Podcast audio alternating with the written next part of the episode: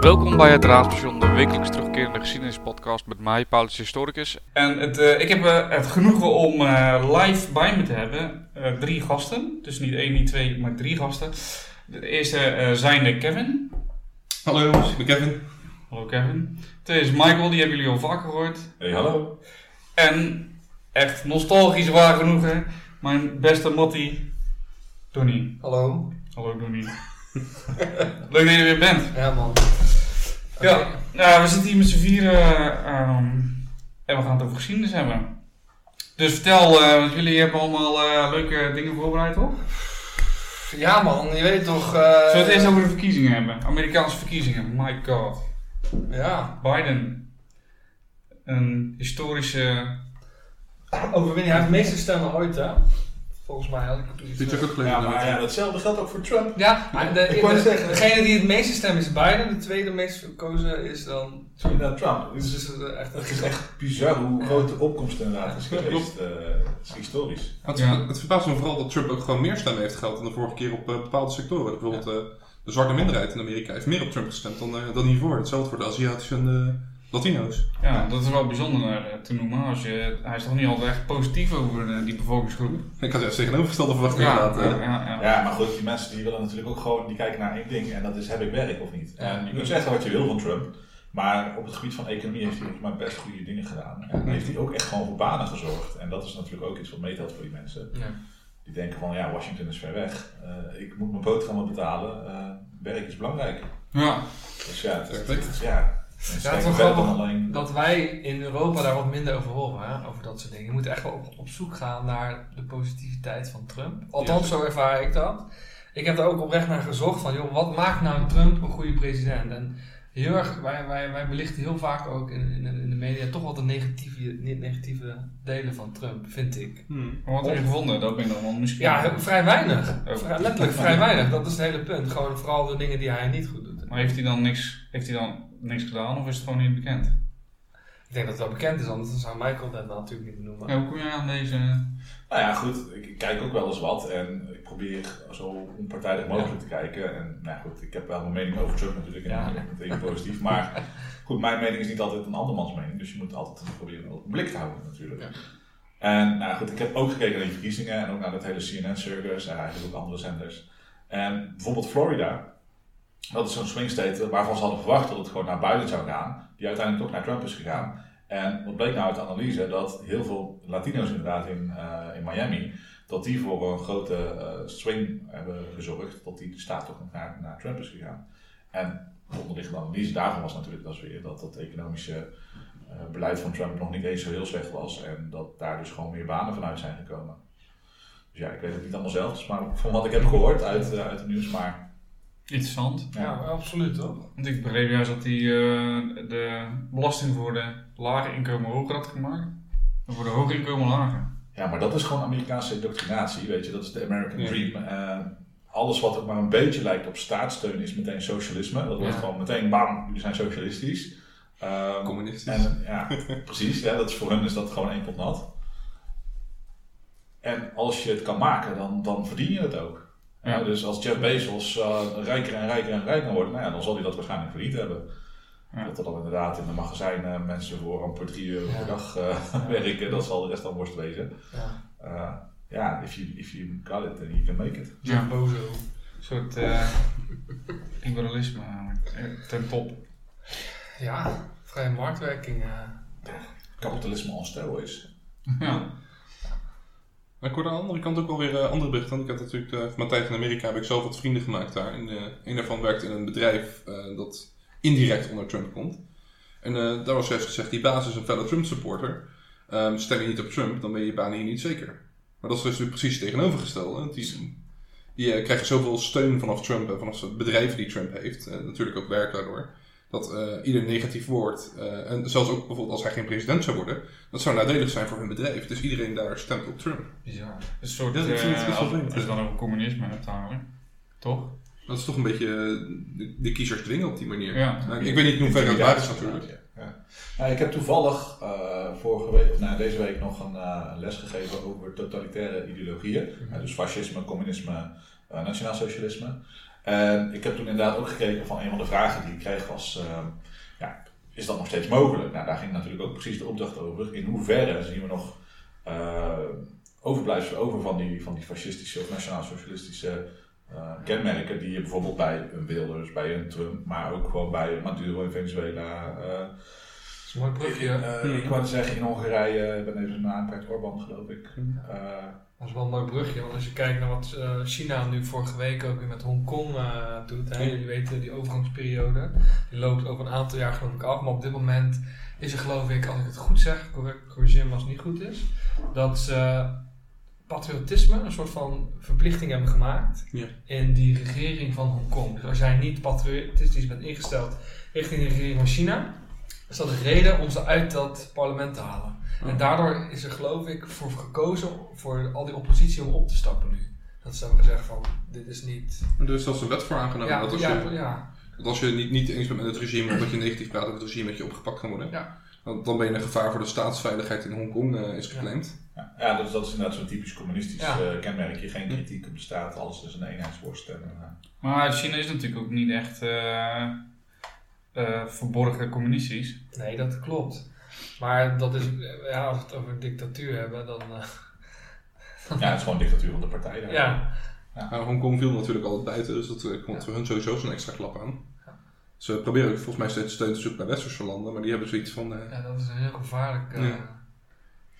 Ja, dan- dan zie je inderdaad toch weer dat, dat moraal en, en macht twee hele verschillende dingen zijn. Ja. Dat alles eh, samenhangt van, eh, ja, we willen best wel eh, beste jongetje van de klas zijn, maar aan de andere kant willen we ook gewoon onze portemonnee en onze welvaart beschermen. Ja. Eh, je kunt het niet allebei doen altijd. Nee, dat is ook. ehm, ik eh, las la- we, hebben natuurlijk eh, gezien hè, dat die geschiedenisdocent onderhoofd is in, in Frankrijk. Ja. Maar ik zag, hè, Macron die had toen daarop gezegd, eh, zo van ja, we zijn niet tegen de islam of zo, maar wel tegen die extremistische vormen en daar moeten we tegen optreden en weet ik het allemaal. En toen eh, was het enige land wat eh, steun betuigd had aan, eh, aan Macron, zeg maar, aan zijn, was Nederland. Was Mark Rutte. En toen was dat was op zo'n Europa Facebook groep, zeg maar, die zei van ja, weet je wel, dus iedereen houdt gewoon zijn mond. En alleen Nederland die, die steunt het. En dan, dat is eigenlijk wel een beetje in lijn wat jij zegt natuurlijk. Van, ja, je, je ideologie na, na, na echt, echt uitdragen of eh, kiezen voor de, de mensen weerstand. Zeg maar, dat, is wel, dat zijn natuurlijk twee verschillende dingen. Ja, nou, ik moet ook zeggen dat de reactie vanuit eh, moslimlanden me ook wel opviel. ja, dat het meteen inderdaad weer eh, als anti-islam werd gezien. ja. En volgens mij wordt er dan met geen woord gerept over een, eh, over een leraar die onthoofd wordt. Eh, dus dat vind ik dan ook altijd wel een beetje dubbelzinnig. Ja, ja, ja, er zijn natuurlijk ook eh, echt wel moslims geweest die er eh, ook op tegen waren, ook in Frankrijk.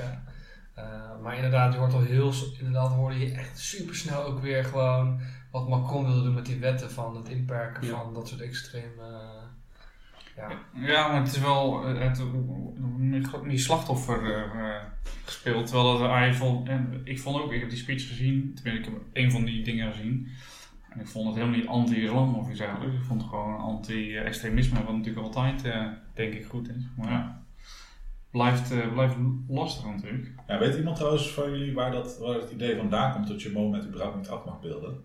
Want het is volgens mij niet iets wat in de Koran of een van de hadith staat. Volgens mij is dat gewoon iets wat ehm, geïnterpreteerd is of zo en een soort van ingevoegd. Maar volgens mij staat vanuit het geloof zelf nergens dat je geen afbeelding mag maken van Mohammed. Ik heb de, ja, we hebben het wel geweten, maar ik, ik, kan, het, ik kan het ook niet meer ophalen. Ik ben Nee, ook- in, het, eh, in, het, in de originele tien geboden staat natuurlijk dat je geen voor afgoding mag doen. Maar dat is natuurlijk eh, het christelijk geloof. Dus ik weet niet in hoeverre een moslim, eh, de islam is natuurlijk eh, een beetje eh, christendom 2.0 eigenlijk. Ja, het, het is een abolistisch geloof. Is het ook niet zo dat in, in, in de Shiïsme, is dat dat wel, dat die wel afgebeeld wordt?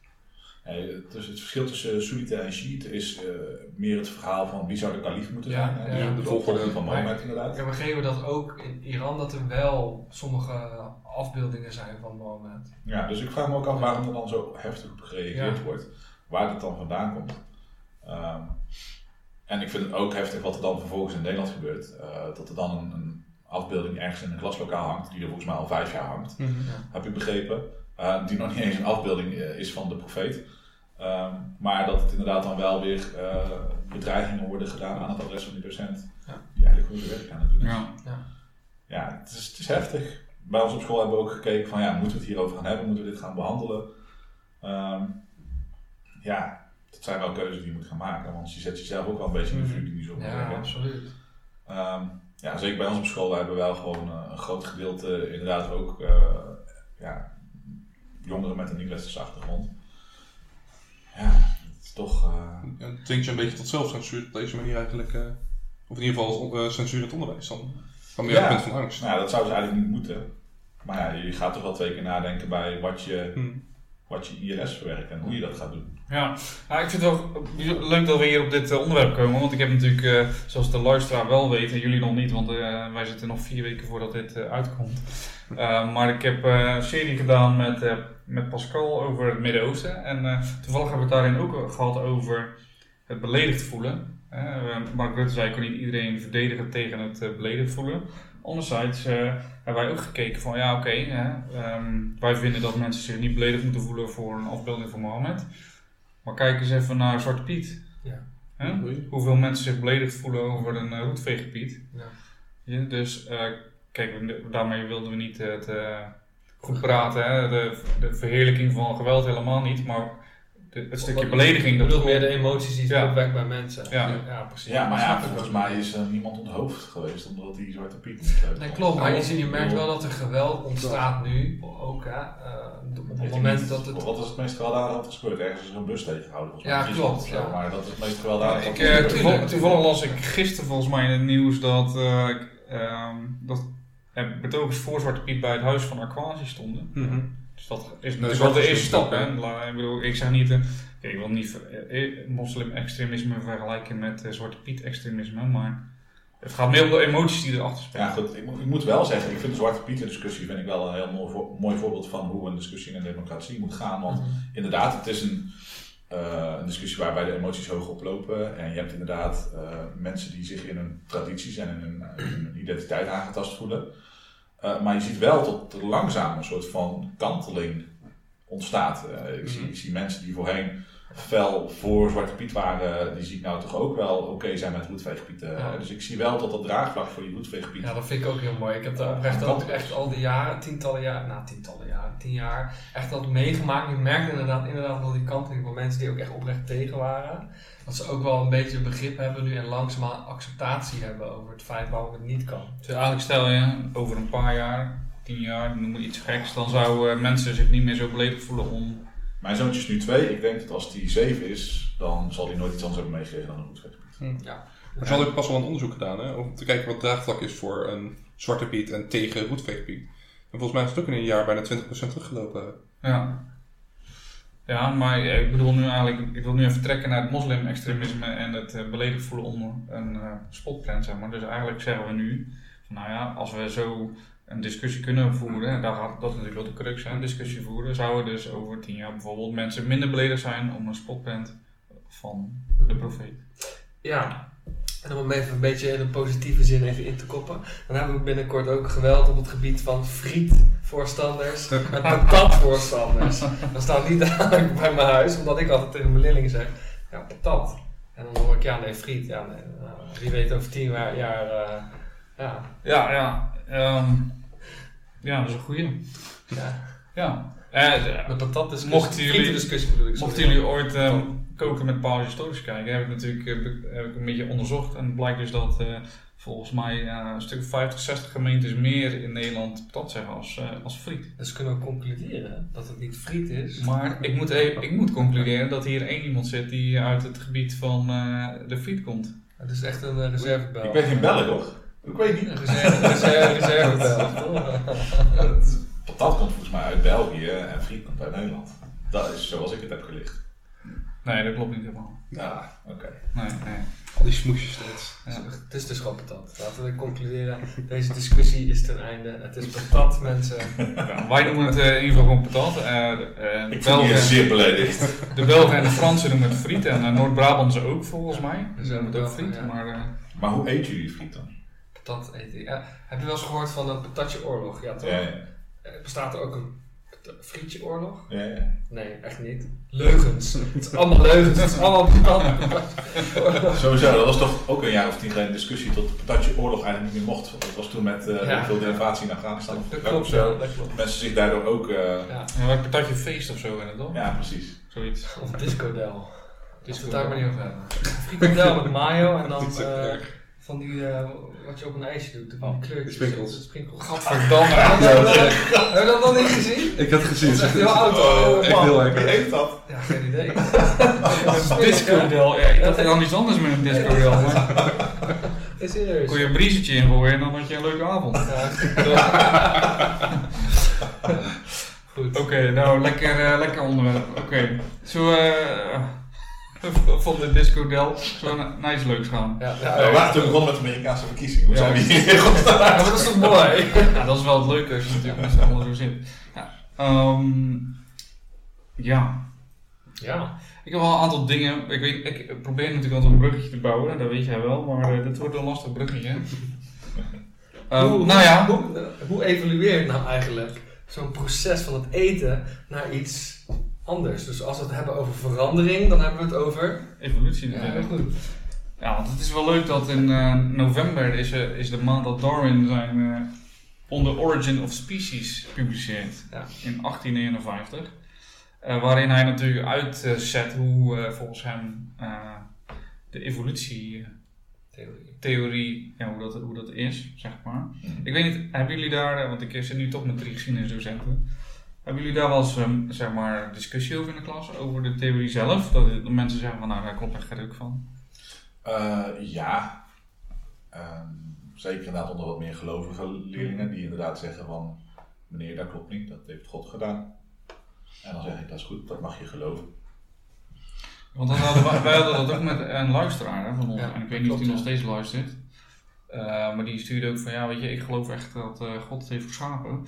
En dan moest ik altijd denken, ik moet dan altijd denken aan de eh, verlichting. Mhm. Waarbij eh Ja, is de de- ja, de klokmakerstheorie, dat, eh, Ja. dat, Dat ja, dat op die manier de wetenschappers eigenlijk eh, het geloof en de evolutie en eh, de theorieën en de, natuur, de natuurwetten, zeg maar, eh, met elkaar proberen te Ja. verenigen. ja, dat vond ik ook altijd wel heel mooi. Het idee dat op het moment dat de aarde als een soort van klok werd aangedraaid, en op het moment dat het loslaat, dan zijn de handen van God eraf.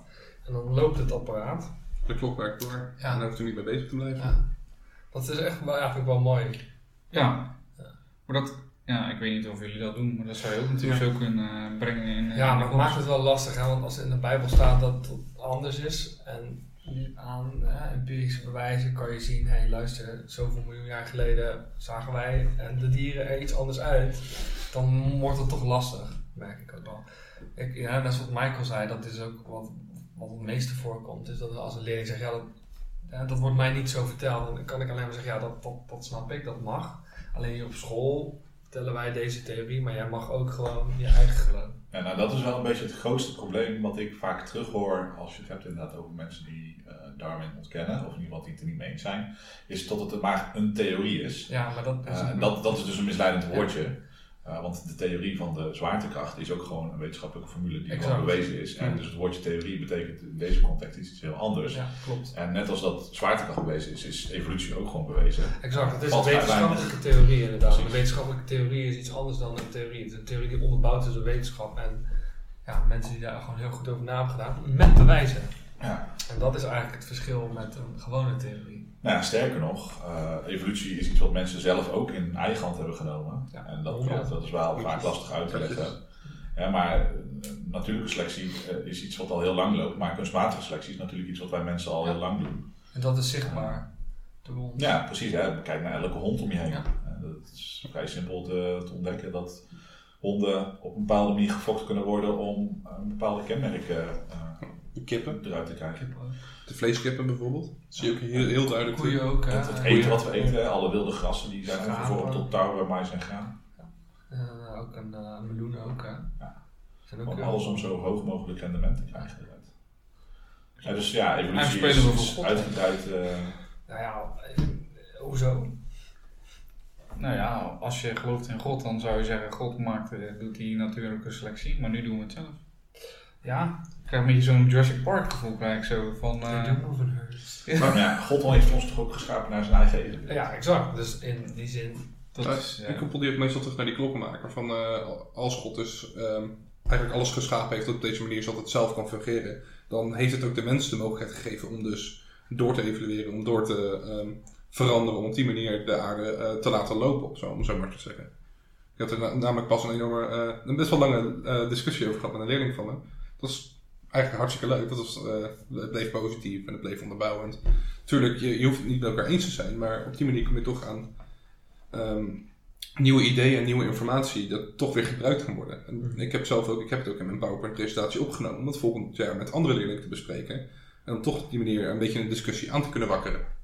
Dat komt toch weer. eh, ja, het zorgt ook voor die leerling natuurlijk voor nieuwe informatie en in ieder geval voor, anders op zijn minst nog voor eh, extra vaardigheden. Ja, Ja, dat is wel goed dat je dat zegt, ja, want eh, ik vond het zelf altijd wel lastig. Ik probeerde dan, zeg maar, het kritische denkers eh, te laten ontwikkelen. Maar als ze dan kritisch gingen denken, dan eh, had ik daar soms wel eens moeite mee. Want ik dacht van, ja, even serieus, ik wil gewoon luisteren. Toch? Ja. Maar eigenlijk is dat, dat is ook met, met je kinderen, ja, met mijn kinderen, die zijn wat ouder dan, nou ja, jullie hebben geen kinderen en, aan die van jou natuurlijk.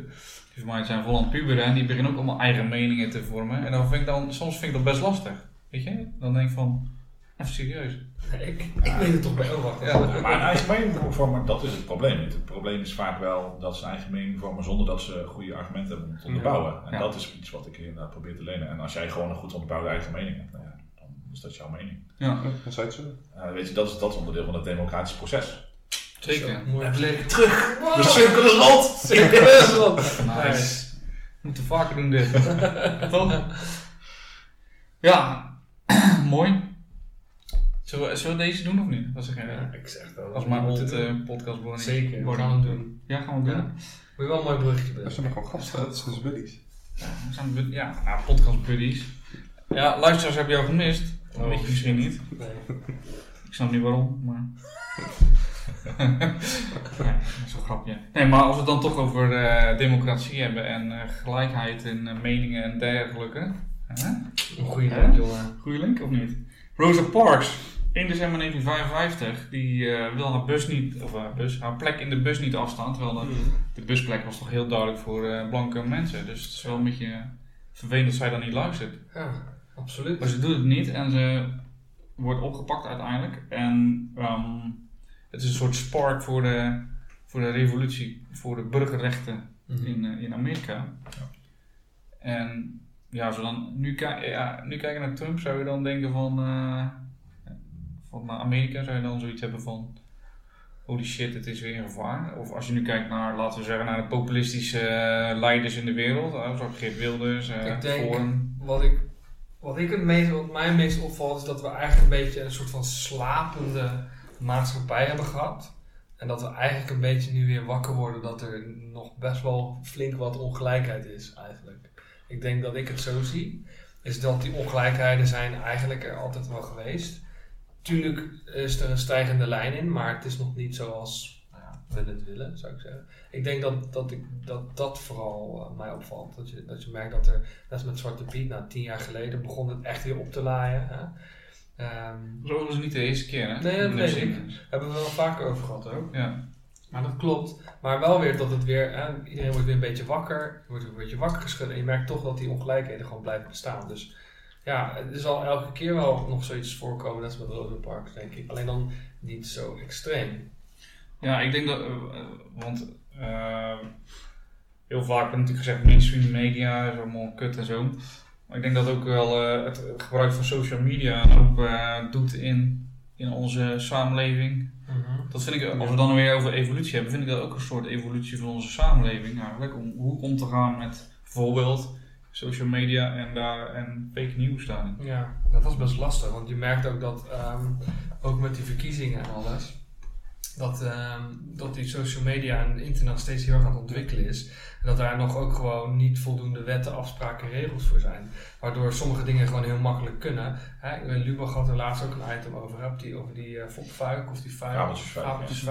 Nou, dat is, heeft hij best goed verteld. En dat is ook oprecht zo. Hè, want je wordt echt heel erg beïnvloed door de dingen die jij althans doet, zeg maar. Lezen. Het wordt steeds eh, meer, weet je, op een bepaalde manier word je beïnvloed. En het zijn ook wel je eigen keuzes, maar op een gegeven moment als je een andere keuze wil maken, dan wordt het Die wordt lastig wordt, gemaakt. ja, er wordt wat, nou ja, je kan het wel opzoeken, maar je wordt wel beïnvloed door de keuzes die je al gemaakt hebt en de reclames die daarbij op. Ja, je, alles.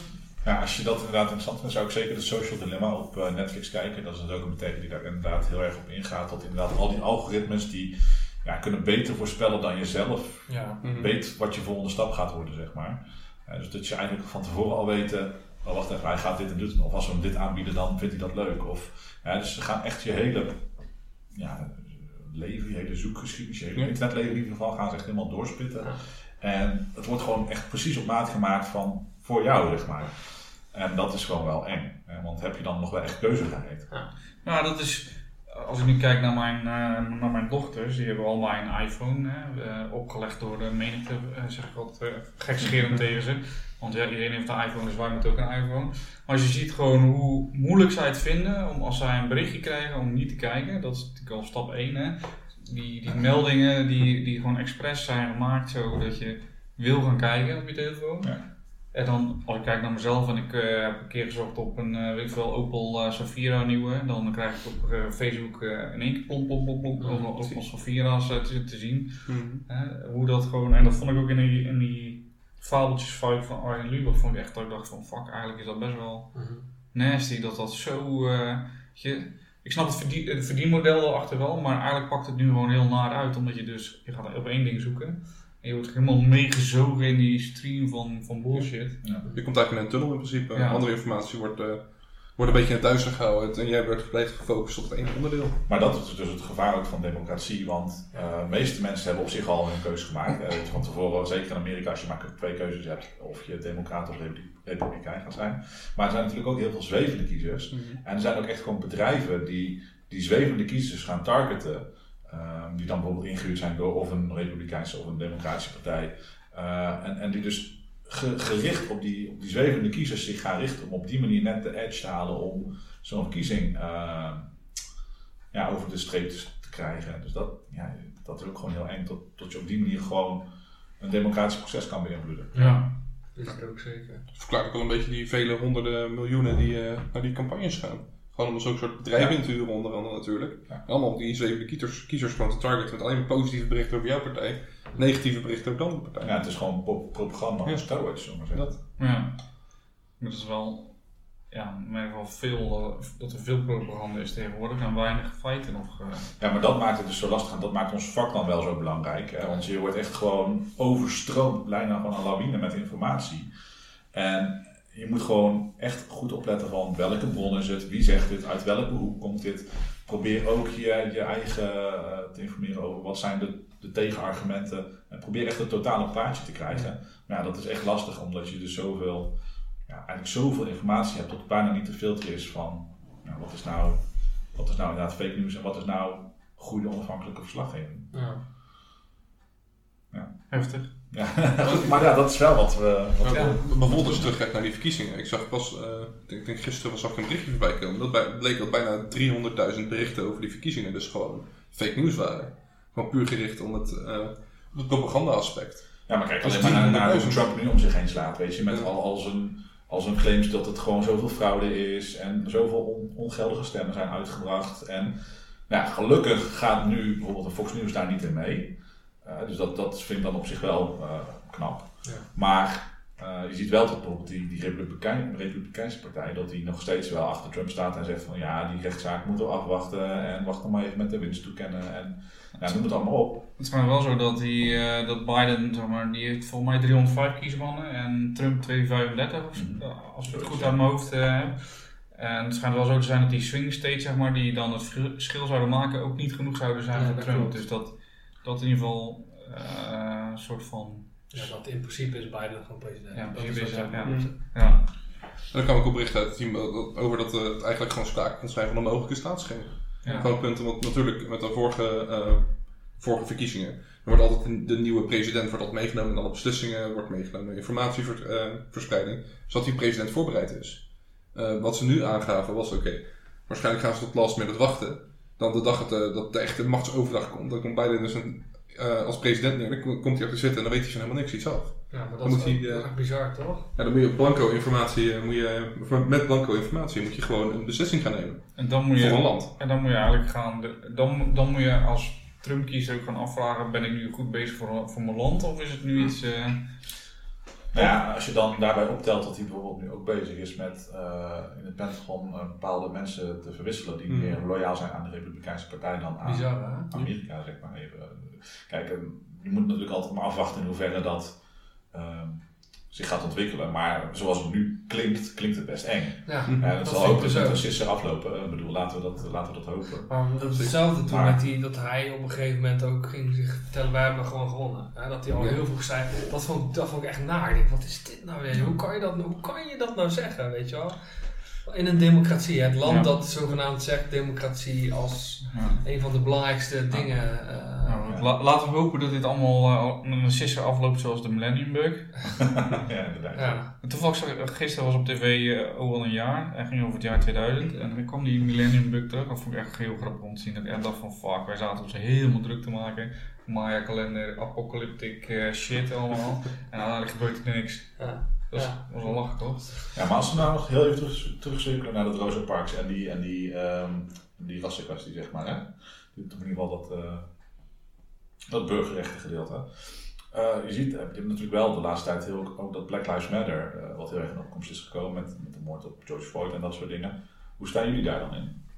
En Black Lives Matter zelf? Of, eh? Nou, gewoon in alles wa- wat er is gebeurd en de reactie van Trump. En, ik bedoel, we- we zijn wel redelijk met z'n allen pro-Biden. Dan heb ik hier het idee, dat, dat mag ook wel. Maar als je bijvoorbeeld nou kijkt naar eh, wat er in, in Amerikaanse stad, bepaalde Amerikaanse steden is gebeurd tijdens die Black Lives Matter eh, ehm, protesten. Of tot er inderdaad zoveel uh, aangekondigd naar corona uitgaat. We moesten al met brieven stemmen met, met corona. En uiteindelijk Biden wint en je ziet massale feesten op de straten, waarbij je niet bepaald anderhalf meter afstand wordt gehouden. Dan vraag ik me ook wel weer af, inderdaad, van.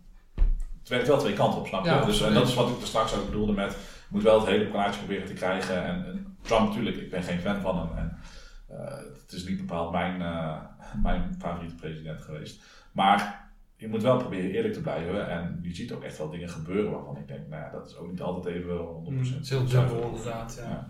Kijk, aan de ene kant begrijp je ook wel heel erg de- de- de- dat een partij blij is. En dat mensen mogen vieren. Maar inderdaad, ik vond het ook heel krom toen ik dat zag. Ik dacht van, even serieus jongens. Wel, wel mondkapjes en zo. Dus niet net bij die Trump rallies dat ze allemaal gewoon dicht op elkaar stonden. Zonder dat dan wel. Maar ik denk, ja, dat is ook niet heel erg handig. Ook evolutie. Ja. Mm. Ja, dat klopt. Ja. Eh, maar inderdaad, ik vond het ook wel. Ik vond het heel dubbel inderdaad tijdens die protesten. Dat ook heel veel geplunderd werd en dat er heel veel geweld op straat was. Dat is ook niet oké. En er werd ook wel gezegd op social media van ja, we begrijpen heel erg de, de, de frustratie en waarom mensen gaan plunderen uit, uit woede. Maar ik weet het niet. Ik vind, ik vind, als persoon vind ik dat dan ook weer geen goede keuze om, om dingen te kapot te gaan maken. Omdat, ja, omdat er zoiets is gebeurd. Wat trouwens heel erg verschrikkelijk is. Hè? Wat ik heel erg heftig vind. Ehm, ja, ik vind het echt oprecht heel moeilijk. Omdat, eh, Maar voornamelijk omdat onschuldige mensen daardoor uh, ja, de pineut zijn, om zo maar te zeggen. Ja. Er zijn meerdere video's voorbij komen ook van get- getinte winkeleigenaren, waarvan hun winkel in de brand is gezet. Om het punt om dus te protesteren tegen uh, de overheid. Dus Ja, ja, en zo daarna- pak je iemand die er niks mee te maken heeft eigenlijk. Ja, plus ze hebben Trump precies in handen gegeven wat, ze, wat, ze, wat hij nodig had om de aandacht af te leiden van waar die protesten uiteindelijk om gingen. En uiteindelijk is er dus geen enkele hervorming geweest op basis van politiehervormingen Ja. of, of, of weet ik het wat. Ja, Ja. Maar dat komt ook een beetje doordat het bij de, de staten zelf ligt, volgens mij. Er zijn ook een aantal steden die daar wel wat mee hebben gedaan. Ik geloof Detroit uit mijn hoofd. Correct me if I'm wrong. Maar dat er ook eentje eh, een stad of staat is waar ze het echt wel aangepakt hebben. En schijnbaar is dat heel erg rechts gaan werken. Maar, Ja, ik, ik weet het niet. Ik, eh, ik weet niet waar het was. Ik heb, daar, ik heb me daar niet genoeg in in Ja. moet ik eerlijk zeggen. En ik vond, maar wat ik vond, ja, kijk, ik vond eh, de Black Lives Matter. Eh, poeh, ik vind het altijd moeilijk man. Ik, ik voel niet wat zij voelen, dus ik weet, eh, ik, ik weet niet hun sentimenten achter, dan voel ik niet, weet je wel. En daarom heb ik het idee dat ik altijd iets gematigder ben in mijn, eh, Ja, in mijn gedachten. Dat, is ook van, zo, want het, het raakt jou niet direct als Nee. persoon, maar het is wel belangrijk dat wij, juist als blanke mannen, dat wij daar ook wel een beetje wat over mogen vinden. In, in de zin dat wij daar ook wel iets in, in je lessen en zo Oh zeker, ja. ja. Ja, want als, als we daar gaan kijken, inderdaad, je hebt, in Nederland heb je volgens mij veel minder. Tenminste, dat is- vind ik lastig in te schatten. Wat we wel zeggen, we zitten hier met vier blanke mannen, dus we Ja. hebben niet echt een ander perspectief daarvoor. Maar ik heb zelf nou niet echt de indruk dat de politie hier helemaal losgaat. Ik heb wel iets gelezen in, in, in Rotterdam, geloof ik, over een, een, een groepsapp waarin verschillende Ja. politieagenten inderdaad racistische opmerkingen maakten. En, en Goed, ja, en daar wordt dan wel wat aan gedaan, Mhm. m- merk je dan ook. Ja. Dus er worden wel marchgroepen, en toen met die Mitch Hernandez, dat ze wel in de nekklem hadden gezet en zo, dat, Mhm. dat hoor je dan weer wel. Ehm, Ja. En ook geloof ik dat vind ik dan ook weer, want ik heb in een gevangenis gewerkt waar wij ook gewoon een nekklem Ja. toepasten. En ik, ik, ik heb gewoon wel een idee hoe dat is gegaan. En dan denk ik, dan vind ik het te makkelijk om dat af te schuiven op die agenten, zeg maar. ja. En weet je, mensen die, hebben niet het, die snappen niet hoe, je, hoe dat voelt op het moment dat je iemand in een nekklem hebt. Of als je iemand, zeg maar, want hij deed niet uitlatingen van, eh, oh ik kom hier oma, o- omaatje bezoeken. Nee, hij deed hele andere uitlatingen. Mhm. Hoe de, dat voelt, zeg maar. En hoe gefocust je dan bent in het beschermen van jezelf, je collega's en eventueel eh, publiek. adrenaline. Ja. Ja, adrenaline. En dan is het, vind, vond ik het echt heel makkelijk, dat vond ik wel. Echt omdat dan, dan weer op eh, racisme of blanke superioriteit van eh agenten of weet ik wat af te schuiven. Mhm. Ja, maar denken jullie echt dat het een groot probleem is in Nederland? Eh, bijvoorbeeld op het, op het gebied van sollicitaties, op het gebied van etnisch profileren. Nou, ik, sommige, sommige delen van het land wel. Ik weet, ik weet in Limburg, ik had een collega die eh, kwam uit Limburg en die heette eh, Rashid. En hij praat eh, aan de telefoon praatte hij met een Limburgs accent. Eh, dus je hoorde niet dat hij een, van origine een Marokkaan was. Als hij eh, met de R. Kuiper solliciteerde, dan werd hij uitgenodigd. En er is ook wel eens letterlijk tegen hem gezegd van ja, wij willen jouw soort hier niet. Oh, wauw. Dus ja, ik denk dat, eh, ja, eh, ja, het ik denk wel dat het probleem wel speelt, zeg maar.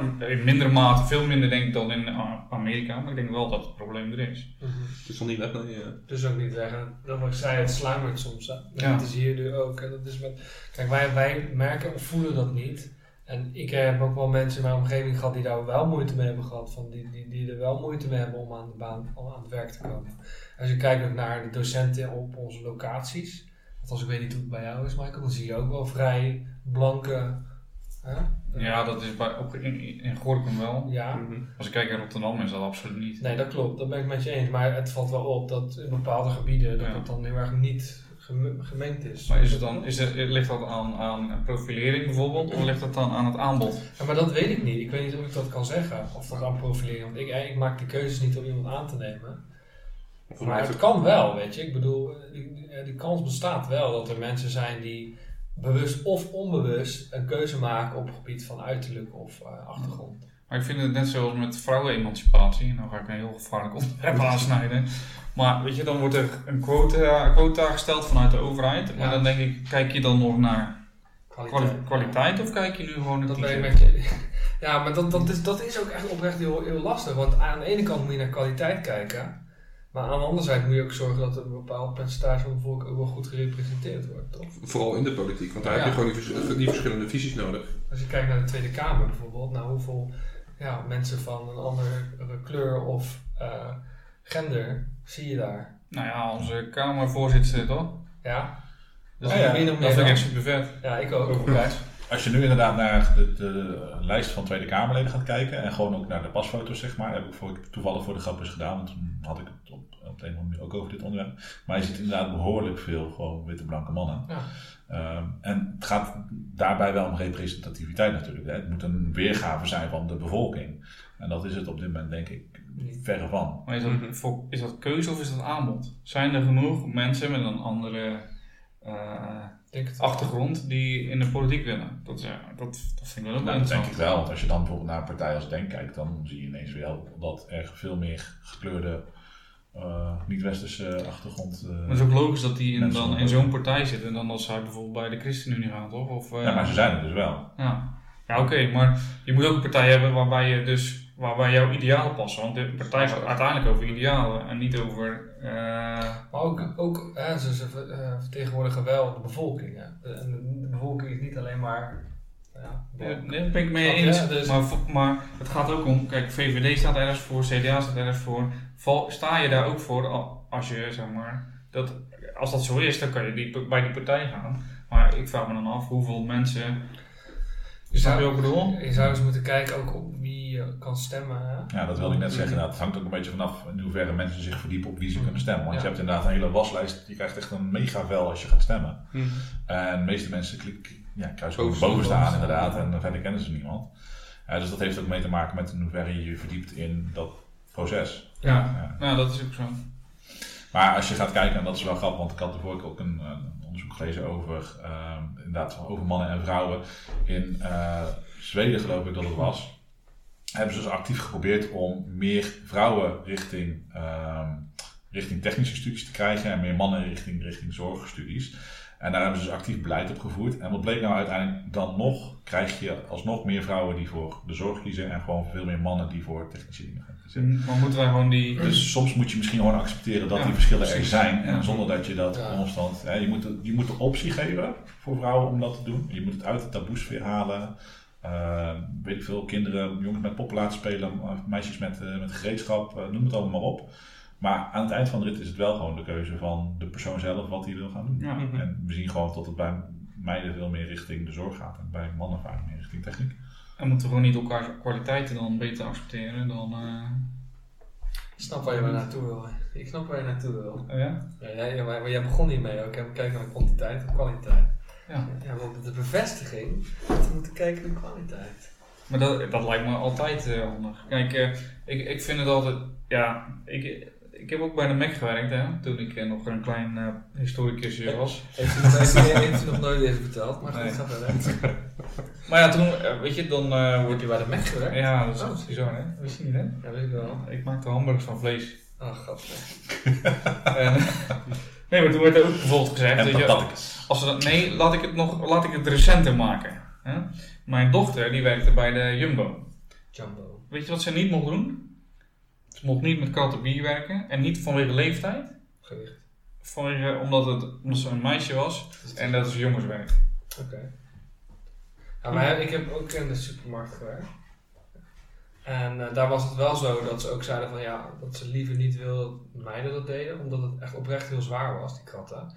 En dat ze ook niet kleine jongens op dat werk zetten, zeg maar. Dus dat was in die zin, naar mijn idee, niet de keuze omdat het jongens- of meisjeswerk was, maar gewoon oprecht werd gekeken naar je lichaam en of je dat wel Jawel, echt a- ja. aankon, zeg maar. Nou, dan vind ik dit misschien ook een leuke vergelijking als we het dan toch hebben, hebben over werk. Ehm, je hebt de brandweer en je hebt de politie. Bij de brandweer moeten de mannen en de vrouwen moeten exact dezelfde test afleggen met dezelfde uitrusting en hetzelfde parcours.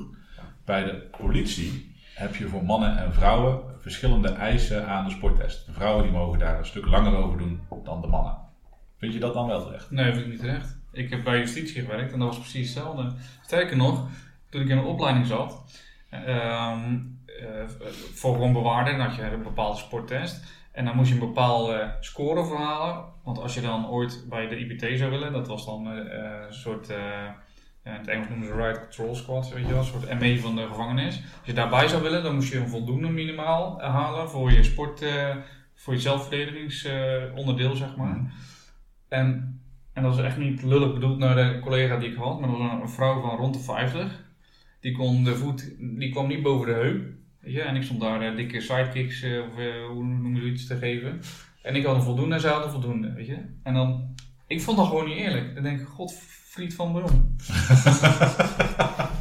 ik sta gewoon kaart hier mijn best te doen, hè. En ik moest, dan, ik moest eh, wat was het, Cooper testen. En moest je dan, eh, weet ik veel, drie kilometer rennen in 12 minuten.